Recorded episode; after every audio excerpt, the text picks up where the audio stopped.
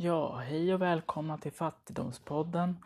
Podden för dig som är fattig och känner att du lever fattigt och vill... Ja, vet inte vad du ska göra när du lever fattigt. Jag kommer ta upp det mesta i den här podden om vad gällande fattigdom och vinklar på problemet. Så, glöm inte, ni får jättegärna följa mig där ni hittar podden. Ska finnas på Spotify i alla fall. Ska se om jag kan ladda upp den på andra poddbibliotek också. Så att, den, så att fler folk kan hitta den. Eh, men idag, dagens avsnitt, ska vi i alla fall prata om hur det är att leva på socialbidrag med mig själv. Jag har inte bjudit in någon speciell gäst, eller den speciella gästen jag har bjudit hem in i mig själv. För jag lever ju på socialbidrag och har gjort det sedan 2016. Så att det är fyra år nu jag har levt på det. Då har jag några punkter jag vill diskutera om hur det är och mina erfarenheter och tankar om socialbidrag. Så, till att börja med. Det är existensminimum. Vilket innebär att det här är den sista lösningen på dina problem. Steget efter är typ hemlöshet. Så att de vill ju, du måste ta alla resurser, alla, all hjälp du kan få genom psykiatrin, kommunen, eh, ja, typ det, kanske socialtjänsten och, och socialtjänsten. Den måste du acceptera och ta, annars kan du bli av med socialbidraget. För att du har ju socialbidrag, det är ofta en anledning som gör att man får det. I mitt fall så var det att jag hade en odiagnostiserad Asperger och depressionsproblematik. Eh, eller autismproblematik. Som gjorde att jag... Ja, det gick inte så bra för mig att jobba. Så att den utredningen kom ju som en lättnad. För jag kände väldigt mycket stress och press innan. Eh, och så. Och att leva på existensminimum, då är det ju verkligen att man måste hushålla med sina inkomster. Ganska mycket. För att existensminimum, det har man ju på namnet att det är ju, det är, det är inte mycket pengar att leva på. Så att då får man hitta glädje på andra sätt istället för genom att shoppa loss. Men mer om det senare. Ny an... Just det. En annan grej med socialbidrag är att man måste få det beviljat till sig varje månad. Man måste söka varje månad nytt socialbidrag. Det är ingen stående inkomst som kommer in varje månad. Du måste hela tiden ha gjort dig förtjänt av de pengarna om ni förstår vad jag menar. Alltså eh, Ja, att man får inte ha för mycket inkomster på kontot. Handläggaren brukar luslägga, lusläsa kontoutdraget väldigt noggrant för att se om jag, var jag har fått in pengar och då drar de av det på en gång. Så att man inte ska facka systemet så att säga, eller lura systemet, lura staten på pengar. Det är, eftersom det, just det, det är den sista instans så är det ju väldigt mycket byråkrati runt det. Att du får egentligen pengar för att sitta, hemma, ja, sitta hemma kanske låter fel men Alltså du får pengar, du behöver inte jobba för dina pengar. Och då gäller det att du har gjort dig rätt av de pengarna, gjort dig, ja, att, ja, du har gjort dig rätt till de pengarna helt enkelt. Sen kollade jag upp på internet riksnormen som den grundar sig på. Och det är väl en norm för vad man ska kunna göra av med varje månad. Exklusive hyran och alla räkningar, har jag för mig. Så att den är i alla fall på 4160. Och då man dividerar det med fyra så blir det ungefär 1000 kronor per vecka man kan göra av med. Och spontant när jag ser den siffran, då känns det ju som att det är, inte, det är inte jättemycket pengar men det är ändå inte jättelite heller.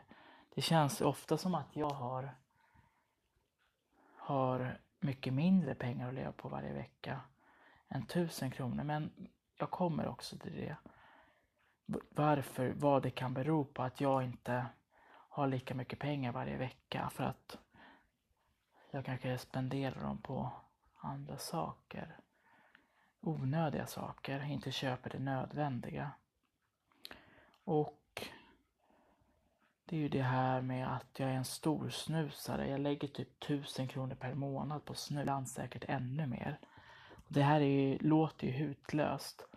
Men det är det när man mår dåligt, känner ångest, så vill man pigga upp sig med det här missbruksbeteendet. Istället för att öka dosen på sina mediciner kanske som gör att man känner mindre ångest och känner mer glädje. Börja träna mer. Som gör att man blir mer balanserad i humöret. Det finns ju andra sätt än att ta till missbruksproblematik. Hälsosammare sätt, så att säga. Det har jag förstått nu och det kommer lite som en chock att jag lägger verkligen så mycket pengar på snus varje månad. Och det beror egentligen på att jag känner så mycket ångest och tristess. Jag vill picka upp mig.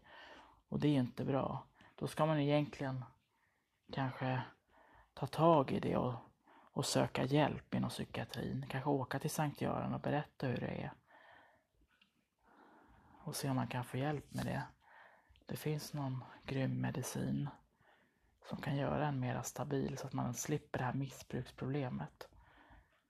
Så att det är en sak jag måste sluta med för att då kunna leva, eh, ha mer pengar till hälsosamma saker. Hälsosam mat och sånt.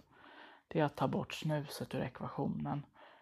Och sen då kanske söka, jag har ju kontakt inom psykiatrin, det har jag ju. Jag träffar psykolog och läkare. Eh, som följer upp mig. Eh, så att det har jag ju. Men att man kanske måste öka dosen på sina mediciner för att liksom kunna ta sig upp så man orkar träna. För det är ofta när man är djupt deprimerad som jag är och som också har lett till att jag har blivit sjukskriven, en väldigt svårbehandlad depression, så är det det att man ork, man kanske skiter i att ta sina mediciner och det i sin tur gör att man inte orkar gå ut och träna som på, på sikt kan vara den som puttar över en på andra sidan från mörkret igen. Så att det finns ju saker i mitt liv som inte är så bra just nu. Men så det får väl vara det första steget att verkligen hitta en medicin som verkligen funkar för mig. Och så. Som gör, ja, och sen att kanske att mobila teamet sätts in igen. Som, som liksom ser till att jag tar medicinen varje dag. Så att jag sen kan ge mig ut på mina löprunder eller gå ut och träna och gymma med kontaktpersonen. Så att jag liksom kan få den där endorfinen och bli liksom stabil i humöret. Eh, och sen en annan grej eftersom jag har problem med det här missbruksproblem. Att jag missbrukar vissa saker. Så är det ju att jag fick en god man. Mina boendestödare ville egentligen att jag skulle ha en förvaltare. För att de sa god man, du, förvaltare kommer vara mycket bättre för dig. Men nu bidde det inte så. Nu vill det en god man, men om det skiter sig, då är det bara att söka förvaltare. Så att det är inte hela världen. Men i alla fall, min god man hjälper mig med att betala mina räkningar så att de blir betalade i tid. Och att storhandla så att jag inte behöver göra dem. För det här är också det.